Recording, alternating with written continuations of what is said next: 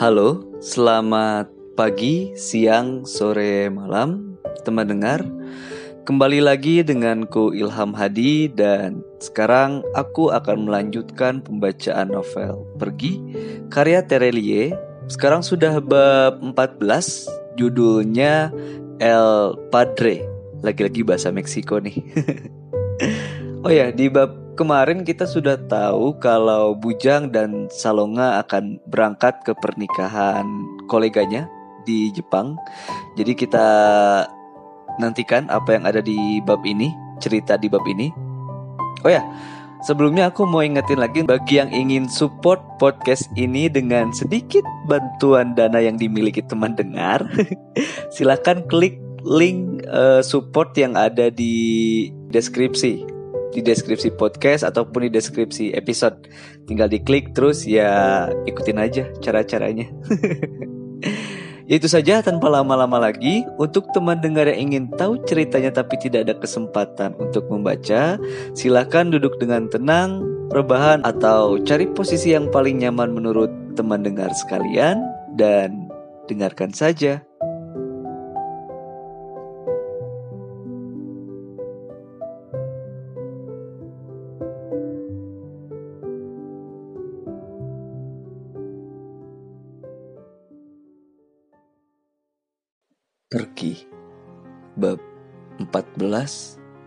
El Padre.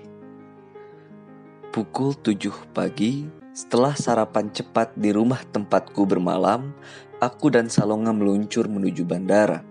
Tiga mobil jeep hitam metalik melesat di jalan tol. Satu letnan dan delapan tukang pukul mengawalku. Jalanan masih cukup lengang. Kami tiba di bandara 30 menit Kemudian langsung menuju apron pesawat jet pribadi. Pagi ini aku menggunakan pesawat yang berbeda meski tetap Edwin pilotnya. Togar memutuskan merotasi pesawat agar siapa pun tidak bisa menebak aku berada di mana. Mengingat pesawat ini bisa mendarat di negara-negara lain yang di luar zona pengawasan keluarga Tong, lebih baik mengambil langkah preventif. Selamat pagi Tauke Besar, Edwin menyapaku di ujung anak tangga. Pagi Edwin, aku mengamati sekitar. Ini G650ER bukan? Yap, tauke besar. Edwin tertawa. Hehe, ini versi extended range dari G650. Bisa terbang hingga 13.900 km dengan kecepatan maksimal hingga 0,925 Mach. Kapasitas 12 penumpang dengan interior minimalis tapi elegan. Pesawat ini juga telah dilengkapi dengan teknologi dan alat komunikasi terbaik, termasuk kacanya anti peluru. Pesawat ini baru dikirim oleh pabrikan beberapa hari lalu. Fresh sekali. Aku beruntung menerbangkannya secara resmi pertama kali. Pesawat yang satunya Ah, sekarang digunakan oleh korporat bisnis kapal tanker Tauke Besar. Basisnya dipindahkan ke Singapura Parwes yang memerintahkan.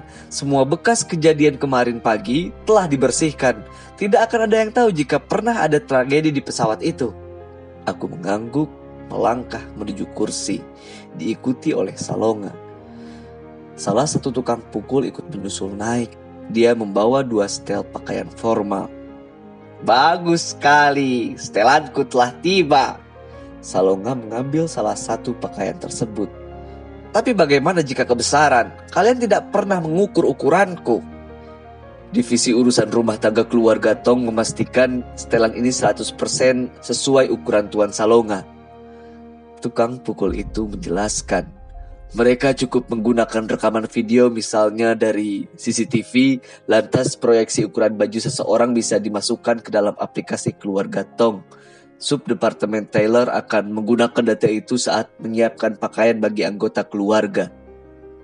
Salonga menoleh kepadaku. Aku mengangkat bahu. Teknologi. Zaman sudah berubah Salonga. Tidak model lagi mengukur baju dengan meteran. Tukang pukul itu melangkah lagi, membawa dua setel pakaian formal itu ke ruang ganti yang ada di dalam pesawat, menggantungkannya dengan rapi di lemari kayu. Lantas dia turun. Pintu pesawat segera ditutup. Edwin kembali ke ruang pilot. 15 menit, pesawat jet dengan warna perak itu telah melesat menuju angkasa. Tujuh jam lagi tiba di Tokyo.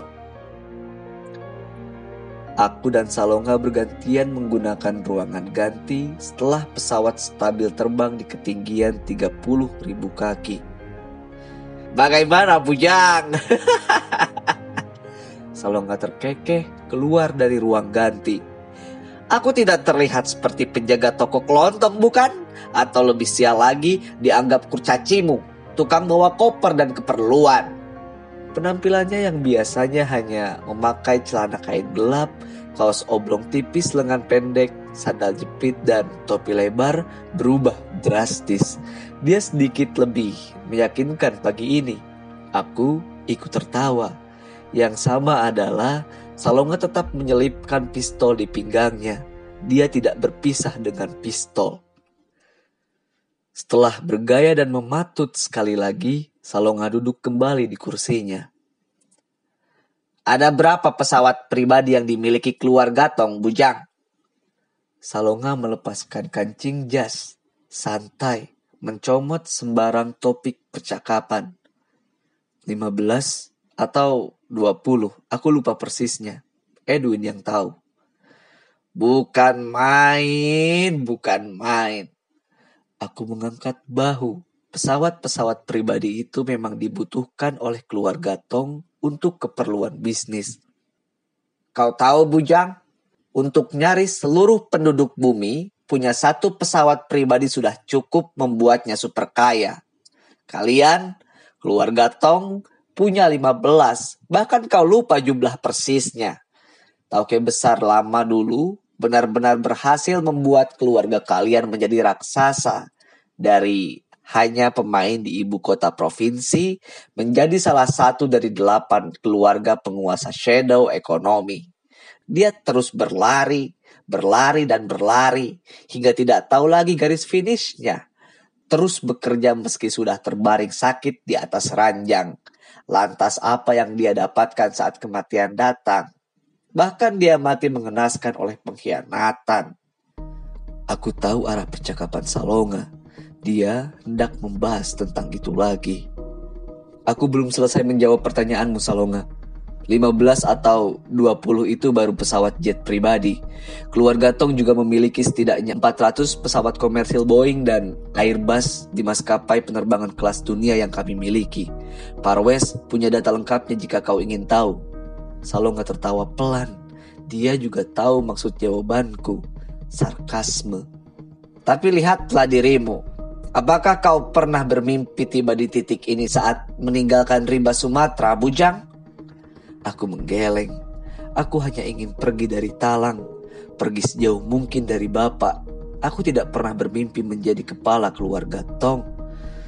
Maka, semoga kau tidak lupa atas hal itu, Bujang. Tetap membumi.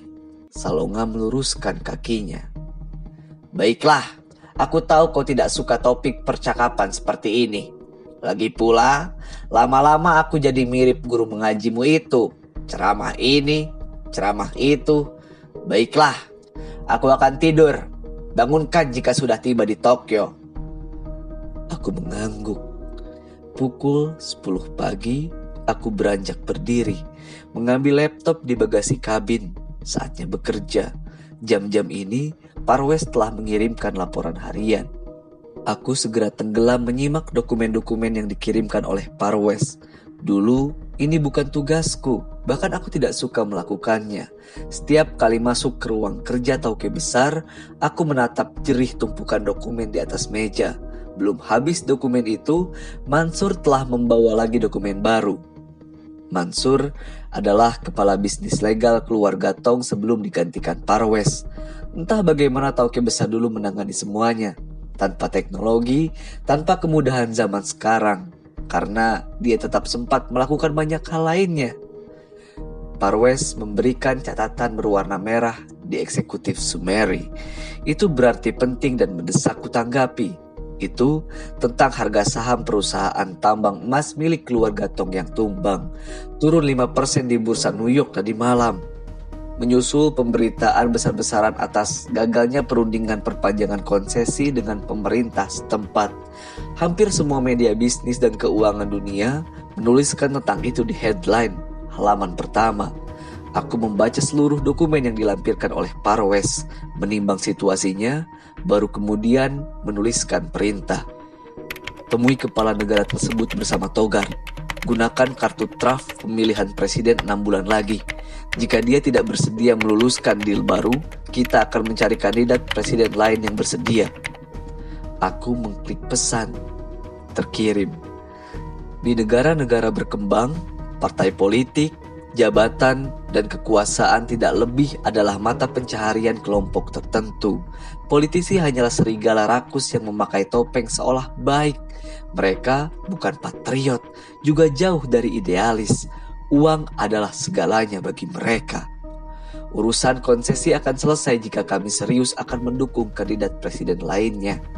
Parwes juga mengirimkan beberapa catatan lain, tapi tidak terlalu penting seperti keterlambatan produksi pabrik otomotif di Thailand dan atau dua kapal kami terlambat melintasi Samudra Hindia. Itu isu bisnis biasa. Dia bisa menyelesaikannya dengan mendelegasi ke staf senior. Satu jam berlalu, hampir semua telah kuperiksa, termasuk dokumen yang harus kutandatangani secara online. Aku hendak melipat laptop saat suara pelan terdengar itu pertanda ada pesan masuk. Aku mengurukan menutup laptop, mengklik pesan itu.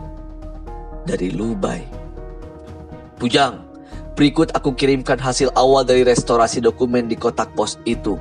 Jika sudah ada kemajuan lagi, akan kukirimkan menyusul. Pronto, semoga sesuai dengan yang kau cari. Salam, Lubai.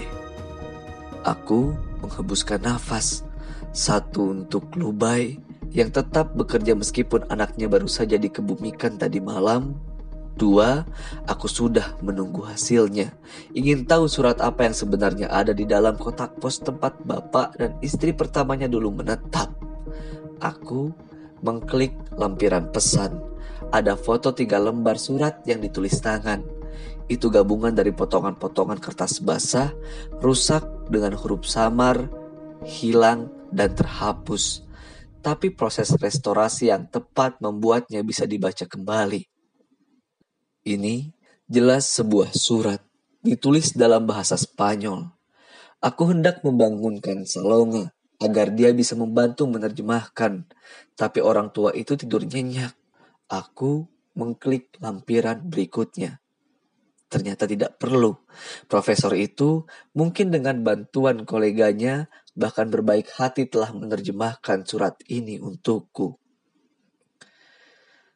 20 Maret 1990 Cancun, Meksiko Demikian tanggal dan tempat surat tersebut ditulis. Itu berarti 27 tahun yang lalu. Siapa yang mengirimkan surat ini? Bapak menikah tahun 1974 dan berpisah di tahun itu juga. Siapa pun yang mengirimkannya, dia pastilah tidak tahu rumah itu telah lama ditinggalkan.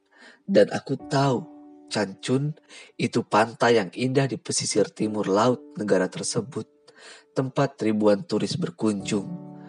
Aku mengklik hasil terjemahan, memutuskan mulai membaca. Dear El Padre. El Padre, aku tahu artinya. Itu panggilan Bapak dalam bahasa Spanyol. Perkenalkan, namaku Diego. Padre mungkin tak pernah mendengar namaku, tapi izinkan aku memberitahu, aku adalah anak laki-laki Padre dari seorang wanita bernama Katrina.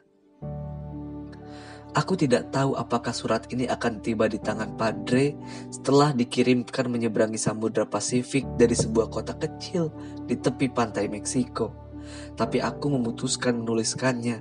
Setidaknya, jika suatu saat Padre membacanya, Padre tahu kabar kami. Mama melarangku menghubungi Padre, tapi aku sudah cukup besar untuk memutuskan sendiri tentang ini, termasuk mengintip catatan Mama, menyalin alamat rumah Padre nun jauh di sana, dan menulis pucuk surat. Tidak ada yang perlu dicemaskan dari sepucuk surat, bukan? Semoga Padre masih di sana, belum pindah rumah. Usiaku sekarang 15 tahun, Padre. Tinggiku 172 cm. Hari ini adalah ulang tahunku, dan sebagai hadiahnya, aku akhirnya tahu kisah hidupku. Mama akhirnya menceritakannya, kisah pertemuan Padre dengan Mama. Terus terang, itu kisah yang indah. Izinkan aku menuliskan ulang kisah itu dalam surat ini. Jika menurut Padre itu kurang akurat, mungkin Padre bisa memperbaikinya. Kata Mama, sore itu di suatu hari pertengahan tahun 1973, awan gelap menutup kota Singapura. Mendung, langit-langit kota yang sebentar lagi malam tampak suram. Jam pulang kerja, rush hour, Jalanan macet, taksi susah sekali dicari. Mama yang hendak pergi ke restoran tempat dia menyanyi malam itu terpaksa berdiri lama di depan hotel tempat menginap. Menunggu taksi tidak bisa ke mana-mana. Setelah hampir 20 menit menunggu, akhirnya sebuah taksi kosong masuk ke lobi hotel.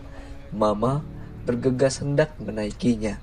Tapi sayang seribu sayang, taksi itu sudah dipesan tamu hotel lainnya. Maaf, senyorita.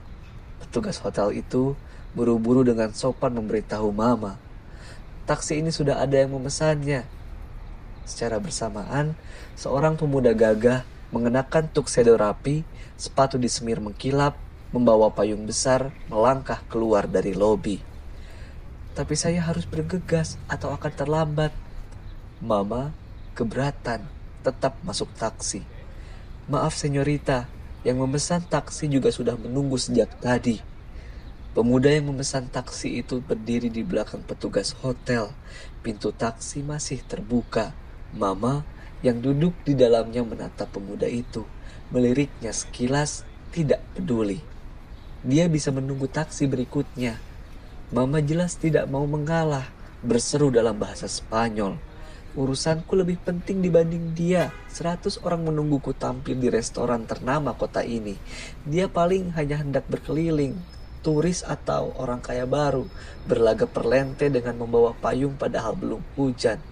Senyorita, petugas hotel menoleh ke belakang, menjadi serba salah. No hai problema. Pemuda itu tersenyum, menjawab dengan bahasa Spanyol yang lancar. Dia boleh menaiki taksi ini Aku akan menunggu yang berikutnya. Bagus, Mama menutup pintu, menyuruh sopir taksi segera melaju. Tapi jendela kaca lebih dulu diketuk dari luar. Sopir mengurungkan menginjak pedal gas. Apa? Mama menoleh. Pemuda itu menyuruh Mama menurunkan jendela kaca mobil. Mama menurunkan jendela kaca. Apalagi, orang ini mau berkenalan. Bertanya namanya. Payungnya, senyorita. Pemuda itu menjulurkan payung. Aku yakin hujan akan turun sebentar lagi. Jika hujan, membawa payung akan membuatmu lebih mudah keluar masuk dari mobil. Payung? Mama jelas enggan menerimanya. Dia paling malas berurusan dengan pemuda seperti ini. Dia hafal kelakuan pemuda model ini. Playboy. Tapi sepertinya supir taksi tidak akan melaju sebelum dia menerima payung tersebut. Mama cepat mengambil payung itu, meletakkannya sembarang di bawah kaki, menyuruh sopir segera jalan. Kata Mama sambil tersenyum mengenang kejadian itu, menceritakannya kepadaku, pemuda itu adalah Padre. Itulah pertemuan Padre dengan Mama. Waktu itu, Mama telah menjadi penyanyi soprano di Spanyol. Usia Mama 25, cantik, terkenal, dan sering diundang menyanyi ke berbagai negara. Hari itu, dia mendapat undangan menyanyi di acara restoran ternama Singapura. Pemilik restoran mengundangnya merayakan tahun kedua beroperasinya restoran tersebut. Banyak orang penting hadir di acara malam itu. Meja-meja dipenuhi oleh tamu. Mereka harus reservasi sebulan sebelumnya. Tak ada kursi yang tersisa. Acara malam itu dimulai setiba Mama di sana. Tuan Herge, duta besar Spanyol untuk Singapura, membuka acara, mewakili tuan rumah yang terlambat datang. Malam ini spesial sekali, kota kita mendapatkan kehormatan didatangi seorang penyanyi soprano ternama dari Spanyol. Masih muda dan masih lajang. Hadirin, mari berikan tepuk tangan yang meriah kepada Katrina. Malam itu berjalan sempurna. Mama membawakan delapan lagu, termasuk favorit Mama, Historia de un Amor, dan Besame Mucho menyapa pengunjung yang mulai menghabiskan makan malam. Pelayan hilir mudik membawa piring-piring makanan. Berkali-kali tepuk tangan memenuhi ruangan setiap kali mama selesai menyanyikan satu lagu. Bravo, bravo, ole, ole, teriak pengunjung. Sementara di luar restoran, hujan turun deras sejak tadi. Jendela kaca restoran nampak basah oleh butir airnya. Satu setengah jam berlalu. Acara makan malam akhirnya usai. Tamu undangan mulai meninggalkan restoran satu persatu. Menyisakan satu dua yang masih mengobrol santai, memberikan selamat, sementara koki dan pelayan gesit merapikan restoran. Tadi bagus sekali Katrina, istri duta besar Spanyol lembut memegang lengan mama. Dan gaun yang kamu kenakan indah sekali. Mama mengangguk Terima kasih, Senyora. Beberapa tamu lain juga mengucapkan selamat, menyalami Mama. Ah, akhirnya pemilik restoran ini muncul. Tuan Herge, duta besar Spanyol berseru ke seseorang yang mendekat. Mama menoleh dan dia langsung mematung. Selamat malam Tuan Herge. Malam, Senyora. Ke mana saja kau Don Syahdan? Kau tidak mendengarkan pertunjukan tadi. Astaga, padahal kau yang mengundangnya. Aku mendengarkannya duta besar. Orang yang dipanggil Syahdan menjawab. Tapi aku duduk paling pojok di satu-satunya kursi yang tersisa kosong. Aku datang terlambat. Susah sekali mencari taksi saat rush hour di kota ini. Katrina, ini Syahdan, pemilik restoran. Istri duta besar memperkenalkan pemuda yang baru saja datang. Dia yang punya ide mengundang penyanyi dari Spanyol mengontak suamiku agar mengurusnya. Lantas aku menghubungimu Katrina, memintamu terbang ke sini. Syahdan adalah sahabat yang menyenangkan. Pemuda itu mengangguk takzim, sementara mama masih mematung. Eh, kalian sudah saling mengenal? Pemuda itu mengangguk lagi. Sudah, sebenarnya Ah, dia yang membuatku terlambat datang. Wajah Mama merah padam seperti kepiting rebus. Mama tidak menduga jika pemuda ini adalah pemilik restoran yang mengundangnya. Suasana menjadi canggung. Ah, aku sepertinya bisa menebak yang terjadi. Tuan Herge tertawa melambaikan tangan. Kesalahpahaman bukan? Katrina memang tidak menyukai pemuda yang berlagak di depannya. Itulah kenapa dia masih lajang hingga hari ini Syahdan. Dia membenci laki-laki, menjaga jarak, kasar, atau bahkan dalam level tertentu dia membenci istilah jatuh cinta itu sendiri. Istri duta besar ikut tertawa. Tapi Katrina, Syahdan adalah sahabat yang menyenangkan. Dia tidak sedang berlaga, so akrab apalagi sok ramah. Dia memang seorang gentleman sejati, pemuda flamboyan, bad boy. Itulah gaya aslinya, tidak dibuat-buat. Pujian yang baik sekali, Senyora. Pemuda itu tertawa. Syahdan bukan penduduk Singapura, Katrina. Dia datang dari negeri tetangga. Dia sering ke sini untuk satu dua urusan. Bisnis. Aku bertemu saat mempertemukan dia bersama tauke besar dengan pembuat kapal kargo dari Spanyol. Menjadi teman dekat sejak itu. Karena sering ke sini, Syahdan tertarik membeli satu dua properti. Salah satunya restoran ini. Hotel tempatmu menginap juga milik Tauke besar, kolega bisnis Syahdan. Percakapan itu berjalan hangat antara pemuda itu dengan Tuan Herge dan istrinya. Tapi tidak untuk Mama. Wajahnya masih kaku walau untuk tersenyum tipis. 15 menit bercakap-cakap ringan, duta besar dan istrinya berpamitan pulang. Apakah kau ikut mobil kami, Katrina? Itu satu arah dengan rumah. Sopir bisa mampir sebentar mengantar ke hotel. Duta besar Spanyol bertanya. Mama mengangguk. Di luar masih hujan deras. Mencari taksi akan semakin susah. Pemuda itu mengantar hingga pintu restoran. Duta besar melambaikan tangan. Salah satu pelayan mengembangkan payung, membantu pasangan itu naik ke atas mobil. Tiba giliran Mama naik ke atas mobil, pemuda itu sendiri yang mengembangkan payung hitam besar miliknya. Mari senyorita, izinkan orang kaya baru ini mengantar ke mobil. Pemuda itu tersenyum. Aku tahu Senyorita meninggalkan begitu saja payung yang kuberikan sebelumnya di taksi. Tapi tidak masalah, aku masih punya banyak payung lainnya. Mama hendak menolaknya. Wajahnya ketus, tapi jelas tidak mungkin dia berlarian ke mobil. Jaraknya memang hanya 2 meter, tapi hujan sederas ini tetap akan membuat gaunnya basah kuyup. Pelayan restoran lain juga tidak beranjak hendak membantu, membiarkan pemuda itu yang melakukannya. Di bawah butir air hujan deras malam itu, Mama akhirnya melangkah berdua berpayungan dengan pemuda itu. Hanya sebentar, tapi momen itu sangat spesial. Padre, saat menceritakan kejadian tersebut kepadaku, wajah Mama terlihat begitu bahagia. Aku belum pernah melihatnya sebahagia itu.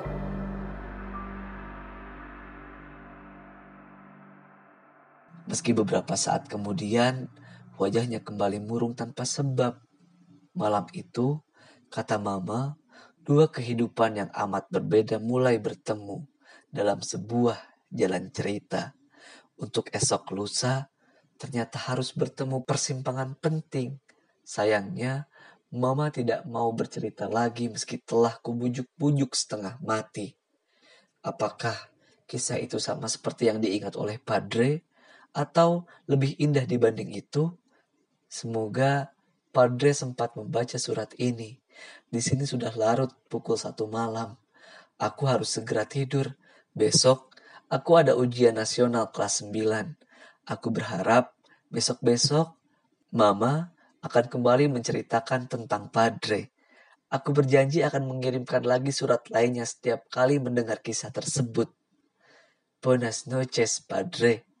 Dari anakmu, Diego.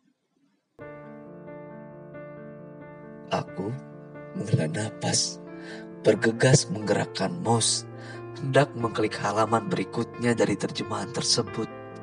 Tapi tidak ada lagi. Surat itu telah habis. Hanya ada catatan kecil di halaman terakhir. Sementara baru surat ini yang berhasil diselamatkan. Kami sedang berusaha melakukan restorasi surat-surat berikutnya. Jika telah ada kemajuan, akan segera kami kirimkan.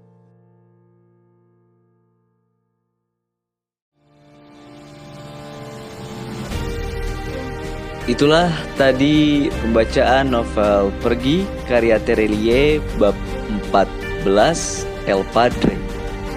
Uh, yap, ternyata El Padre itu artinya adalah bapak ya atau ayah dalam bahasa Indonesia.